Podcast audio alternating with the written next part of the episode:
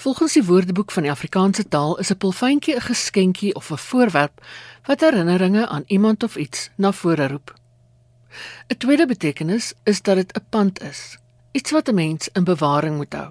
Vanjaar 140 jaar na sy geboorte bring ons hulde aan Celoy Laipold en kyk na enkele aspekte van sy nalatenskap.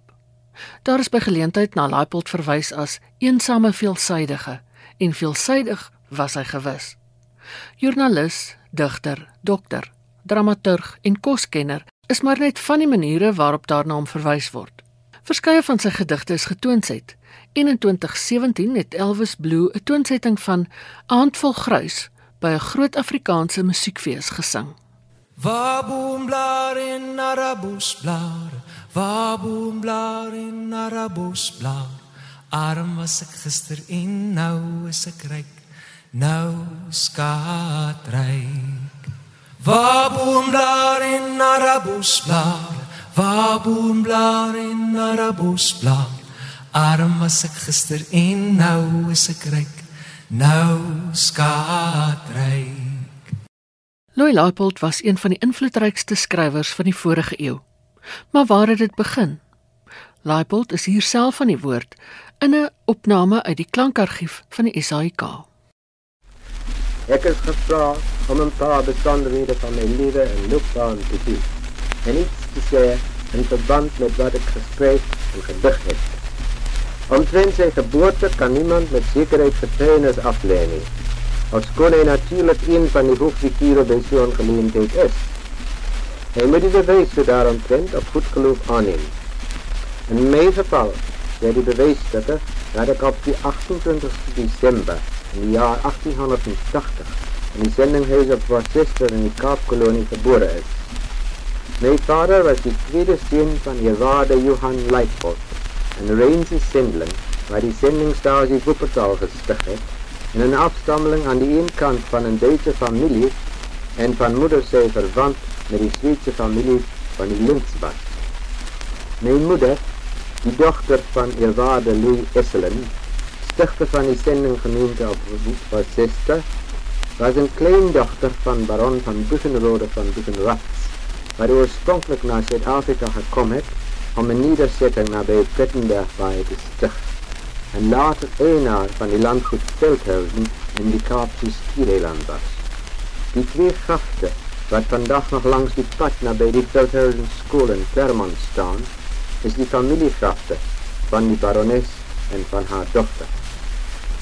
Mijn oma op moederszij was een mejuffrouw Knobel en haar moeder was daar die dochter van barones van Buchenrode, wat met landmeter Knobel, stichter van het dorp Uitenhaag, getrouwd. Mijn vader en moeder, nadat hij jarenlang in Sumatra onder de menselijke batas van die Tubasee zendingwerk gedaan heeft, moest in 1879 naar Zuid-Afrika terugkeren, waar mijn vader, nadat hij als predikant van de Nederduitse gereformeerde kerk geordend was, die beroep naar Plan William aangenomen heeft en al daar tot zijn emeritaat in 1906 gevestigd was. Mijn kinderjaren heb ik dus op Plan William doorgebracht. En dort wat destijds een van die mooiste en schilderachtigste in de hele kolonie was. Mijn opvoeding moest ik thuis krijgen. Ik heb nooit school gegaan, met uitzondering van een paar klassen waar ik in die oude Zuid-Afrikaanse college in Kaapstad onder professor Haan van bijwoon. In zekere opzichten was dit een voordeel voor mij. In andere opzichten was het een nadeel. Want het heeft mij ontroofd van het gezelschap van kennis van mijn eerouderdom en mij grootelijk aan mijzelf voorgelaten. Ik heb vroegtijdig een tamelijke grondige kennis van de Engelse, Duitse en Nederlandse letterkunde gekregen en ook van geschiedenis, vooral van die kerkgeschiedenis en van die klassieke Latijnse schrijvers. Ook die natuurwetenschappen heeft mij aangetrekt en daar mijn vader die studie hiervan hartelijk aangemoedigd heeft, kon ik een goede begrip door praktische oefeningen in het huis ingerichte laboratorium van chemie en botaniek krijgen. In 1999 het 'n omvattende biografie oor Leipold verskyn uit die pen van J.C. Kannemeyer. Hier vertel Kannemeyer enkele interessanthede wat sy navorsing opgelewer het. Die beeld wat ek vind wat nog steeds in 'n groot mate bestaan onder Afrikaanstaliges is dat Leipold die groot volksdigter is dat hy die smart van die Anglo-Boereoorlog hewiger verwoord het as byvoorbeeld uh, eh, Silje en Totius. Nou daardie beeld is reeds vroeg aangetast deur Albert Verwy, die Nederlandse uh kritikus en digter in 'n baie indringende bespreking van Leipold se omgerd vertel en ander gedigte. Uh, maar tog het die aanvanklike indruk bly voortleef. Uh Merwe Skols het in 1960 'n baie belangrike opstel gepubliseer, naamlik wat vertel oom Gert vertel, waarin hy eintlik die tradisionele siening van oom Gert as die groot Afrikaner, die uh, ruie Afrikaanse boer omvergooi dat hy sê maar kyk hierdie omgerd het in werklikheid niks gedoen uh gedurende die Anglo-Boereoorlog nie. Hy het net op die stoep bly sit. Met ander woorde teenoor die uh groot Afrikaner uh, soos hy voorgestel is onder meer deur professor Dekker het skools eintlik 'n soort van 'n ontluistering van uh omgerd gebring. Dit is om 'n bepaalde kringe eh, onder meer deur professor Dekker baie kwaliek geneem. Dit is vir my baie duidelik want dit is iets wat verwy opgewys het dat uh, dit is nie soseer uh, die groot Afrikaner, die groot uh, vaderlander wat hier praat nie, maar dat sy hele gevoel vir die leed van die konsentra in die konsentrasiekampe. Uh die vrouens en kinders wat daar gesterf het, dit kom voort uit 'n baie sterk gevoel van medemenslikheid. Met ander woorde, baie vroeg in sy lewe het Leipold reeds die breë humaniteitsgevoel gehad. En daar is dan ook geen sprake van 'n politieke ommekeer. Soos professor Dekker sê hier in 1920 het hy nou nie meer was hy nie meer vaderlander in uh uh so 'n soort figuur nie toe daar politieke ommekeer gekom. Hy het wêreldburger geword. Nou ja, dit is totale onsin en daardie uh ding word bevestig deur die dokumente. Uh naamlik dat Leipold was nooit 'n ondersteuner van die Afrikaner nasionalisme nie beslis nie vanaf 1912 ongeveer 13 toe die Herzog impuls uh, gekom het nie sy politieke denke staan hy wat my betref in die groot tradisie van die liberale Afrikaners soos ons Jan Hofmeyer uh, FS Milan. So ek dink uh hierdie uh aspekte van Leipold Leipold se uh baie sterk humaniteitsbeginsel sê gevoel van medemenslikheid en dan die feit dat hy so vroeg reeds in sy lewe 'n baie uh nogal vir daardie tyd af 'n regse politieke beskouing gehad het die dinge het nog nooit in die mate na vore gekom as meen ek kan ek beskeie sê wat dit nou wel in my boek uh, aangedui word ja. nie. Nou Leipold self het hom losgemaak uh, in sy volwasse lewe van die godsdienstige oortuigings van sy voorvaders en van sy vader self. Sy vader Teloops was later 'n uh, NG predikant op Klein Willem. Uh, hy het hom losgemaak van daardie godsdienstige oortuiging, maar dit beteken nie dat hy hom losgemaak het van die sending gees nie.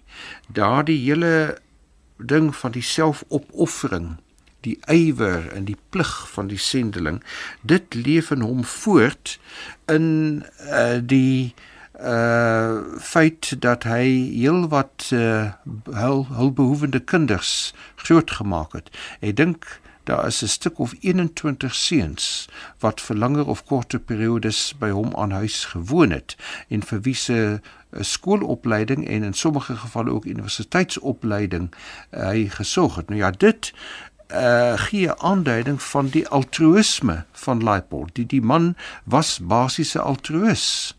En uh om miskien verder te gaan, hy het die Christelike godsdienst afgesweer. Hy het by meer as een geleentheid gesê dat hy is 'n boeddhis Nou ja, ek dink nie dat Leipold so enige soort godsdiens uh pligmatig beoefen het vandag tot dag 'n boeddhistiese leer daarop nagehou het nie, maar daardie selfopoffering van die boeddhisme en daardie hele ideaal, die boeddhistiese ideaal van uh, liefde te gee sonder om weer liefde te verwag. Dit is nie alleen baie sterk in Leipold se lewe nie, maar dit baie duidelik ook in sy werk vind dit neerslag. Oor sy eie skryfwerk het Leipold die volgende te sê gehad. Wat my skrifte betref, ek het van jongs af aan geskryf. En ek reeds op 10-jarige leeftijd als districtscorrespondent vir een van die Kaapse nuusblaaie opgetree. My eerste aanmoediging, wat ek gekry het toen ek 9 jaar oud was, het ek van een Engelse tijdschrift gekry, aan wie ek een story gestuur het. Daarvoor kry ek 'n mooi sertifikaat en 10 shillings. Die 10 shillings is deur my moeder in die sendingkas gestop. Rentes van die sertifikaat lê nog onder my papiere, want ek beskou hulle met 'n sekere mate van verstaanbare onskuldige trots. Ek het vir die eerste maal in druk verskyn in die ou Cape Monthly magazine. En daarna taamlik gereeld in die Cape Argus. Want oorlede meneer Paul, destijds van die blad, het met baie aanmoediging gestuurd. Terwijl ik op die nieuws was, heb ik dit zo druk gehad, dat daar niet veel kans was voor oorspronkelijke letterkundige werk nie. Maar ik het nogthans, samen met mijn gereelde brieven aan oorzeese nieuwsblaaien, een paar stukken voor Engelse en Nederlandse tijdschriften geschreven. Mijn eerste gedicht in Engels het in 1900 in die New Age, 'n Londense weekblad, verskyn. Omtrent diezelfde tijd het ek reeds in Afrikaans begin dig en skryf en 'n reeks opstelle van my in Afrikaans is in 1899 in die Kolonist gedruk. In Londen het my vriend, professor J.J. Smith van Stellenbosch, destijds student in rechten in Londen, mij oorgehaald om van mijn Afrikaanse gedichten een druk uit te geven. En zo heb ik in 1911 mijn eerste dicht, dichtwerk, om het vertel, laat drukken. Het is moeilijk voor een schrijver om zijn eigen werk te beoordelen, en ik kan alleen hieromtrent mijn eigen persoonlijke mening uitspreken ofschoon dit waarschijnlijk niet zal overeenstemmen met die van sommige van mijn lezers niet. Ik beschouw mijn bergtragedie in 1935 gedrukt, maar reeds in 1900 begin, als mijn beste dichtwerk, omdat het zuiver bespiegelend is en wat techniek betreft beter verzorgd als mijn andere dichtbundels. En daarna het drie werelddelen, wat echter meer beschrijvend als subjectief is. Van mijn dramatische werken zie ik die voorkeur aan afgoden. Die heks, wat door sommigen als mijn beste beschouwd wordt, is oorspronkelijk in Engels geschreven. En wat samenhang en dramatische voorstelling betreft, is hierdie stuk voor mij minder bevredigend. Die drama Die Heks waarna Leipold verwys het, het in 1923 verskyn en word steeds as een van die klassieke dramas in Afrikaans bestempel. Vir die radio alleen is dit minstens 5 keer opgevoer. 1955, 1965, 1971, 1978 en weer in 2012. Hier volg 'n uittreksel uit die 2012 opvoering. Placido. Wat gebeur daar buite? Eminensie, die hekse. Die hekse. Ag. S- Sê vir my, waar is hulle? Hoogeerwaarde het beveel. Ek beveel? Wat het ek beveel? Waar is hulle?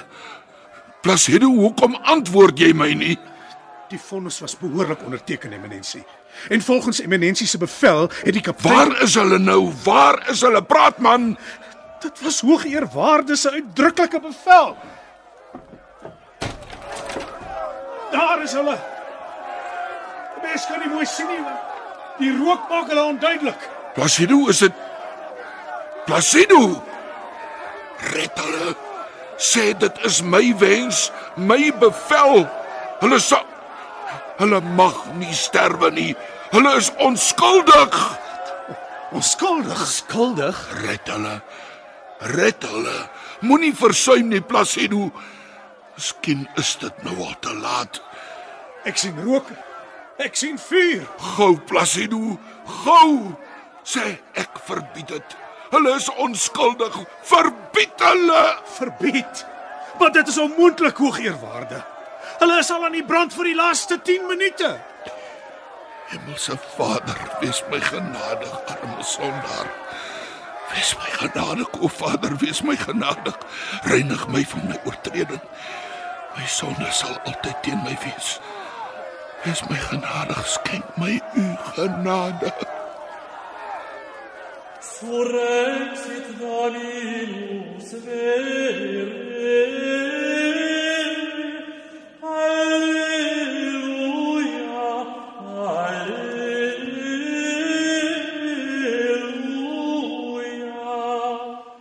Etes by Laipold was blykbaar legendaries.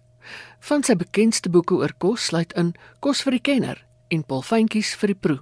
Die koskenner Erida de Tooy vertel van Laipold se invloed en nalatenskap. sy kosnalatenskap ehm um, gaan steeds voort in die sin van dat dit 'n diepte gee aan ons koskultuur uh, wat ek dink tot dusver ongeëwenaar is. Ek dink die ene wat dalk aan sy aan sy hakke hap is ehm um, Pieter Veldsmann. Ehm um, en ek dink dit steeds vir enig iemand wat 'n mate van 'n nuuskierigheid het en 'n belangstelling van wat is ons kos se se nie se oorsprong nie, maar wat is die die kos van die van die vroeë 20ste eeu sal dit definitief daarin kry. En dit bly relevant want as ek nou byvoorbeeld dink wat nou so trend is hierdie sogenaamde veldskrop of foraging um, 'n woord waarvoor chefs baie lief is. Leipold gee vir ons rigting, gee vir ons 'n uh, inligting oor om veldkool, om duinespinasie, al daardie tipe van goed wat vandag as trendy beskou word, het hy alreeds vir ons die ware regte manier gegee om dit te doen.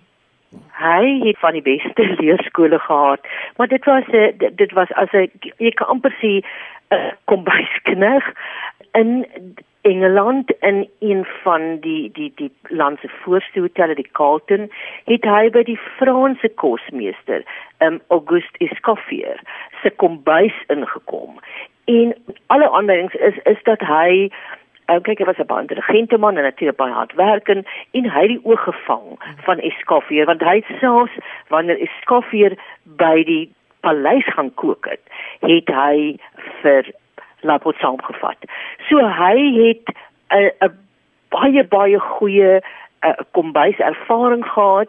V- Die aanduidings is dat hy nie in sy eie huis die sloo am die sloof kos gemaak het nie, die weeklikse ehm um, kos nie, maar blykbaar was sy onthaal in die etes in sy huis in Kenilworth was blykbaar legendaries. Dan het hy self gekook.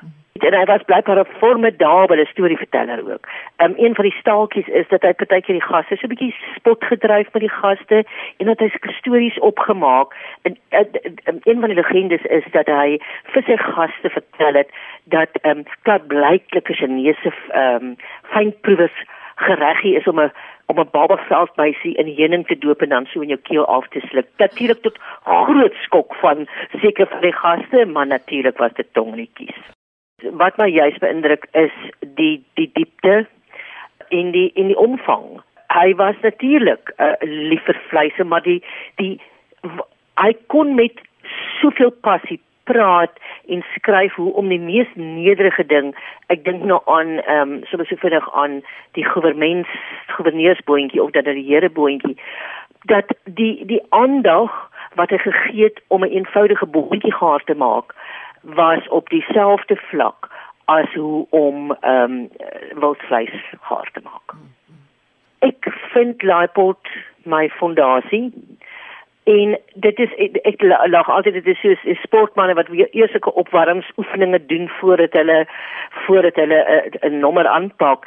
Ehm um, voor ek begin skryf of voordat ek dit wil iets maak as ek inspirasie soek my op opwarmingsoefening is om 'n Leipold te gaan lees al is dit wêreldverwyder van wat ek vandag maak maar byvoorbeeld ek het nou die dag um, wat ek het praat van is eiervrug uh, uh, Griekse eiervrug gereg gemaak en gedog ek wonder of Leipold ook daaroor geskryf het jy kry 'n hele artikel. Hy het dit natuurlik brinjals genoem en hy het brinjal en hy het gesê ons gebruik vir eiervrug as 'n vertaling van van die Engelse ehm um, en maar hy het, het dan leer ek toe dat jy eiervrug 'n soet stowwegereg van kan maak, soos mense met soet pampoen.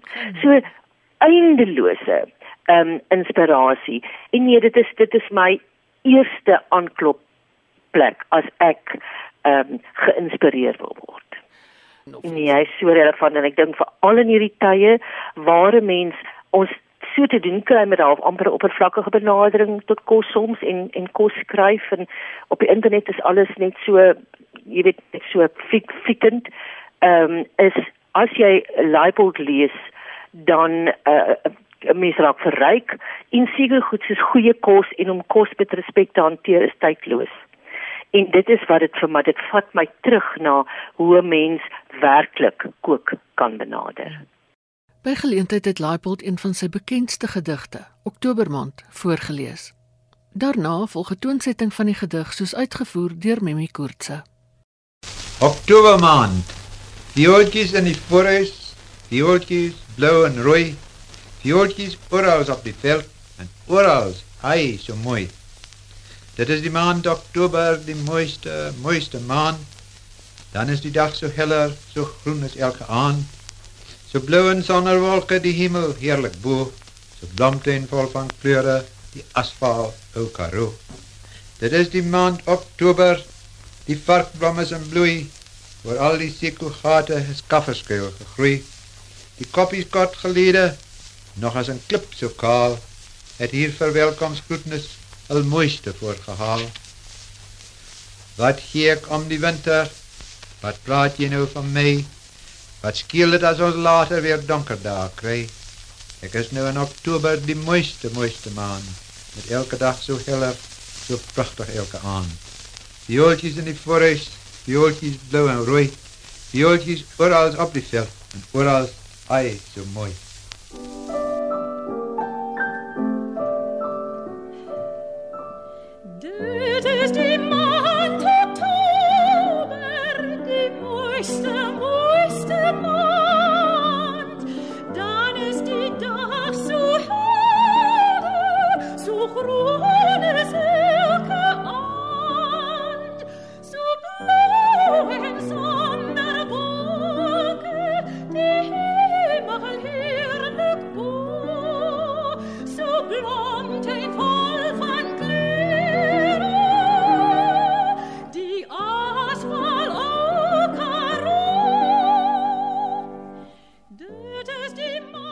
Hoewel Leipold grootliks as Afrikaanse skrywer onthou word, was hy verskeie tale magtig en sy huistaal was Engels.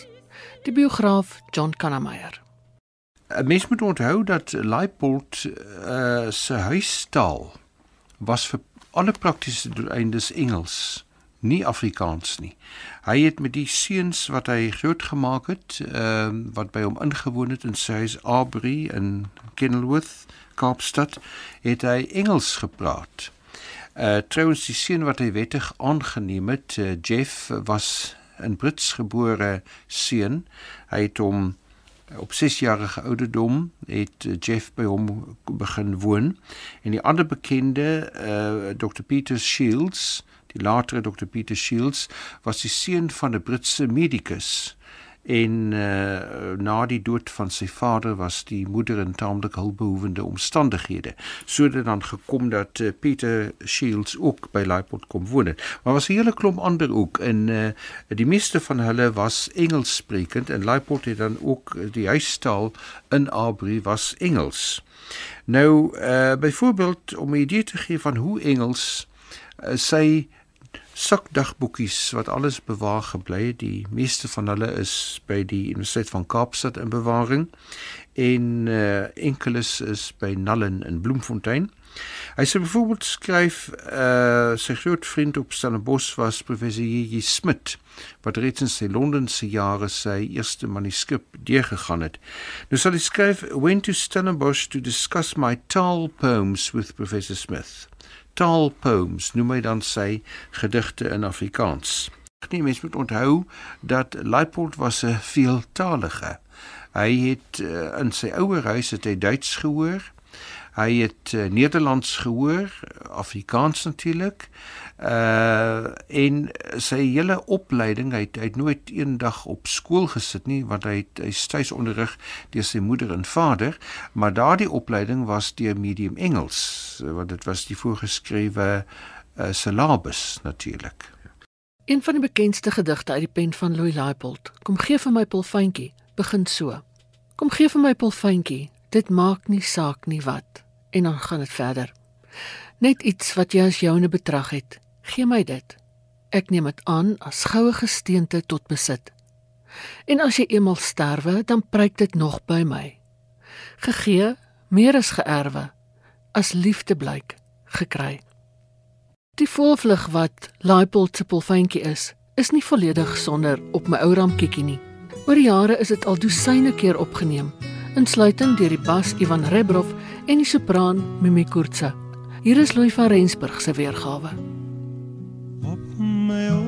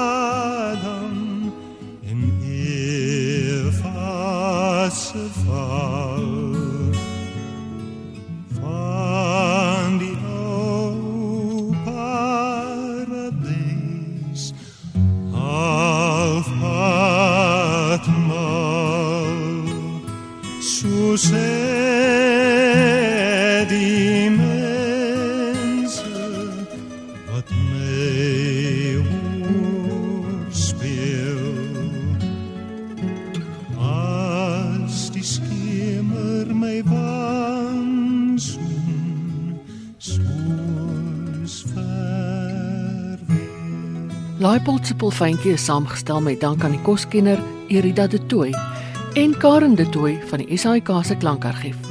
Die samesteller en aanbieder was Ina Strydom. As die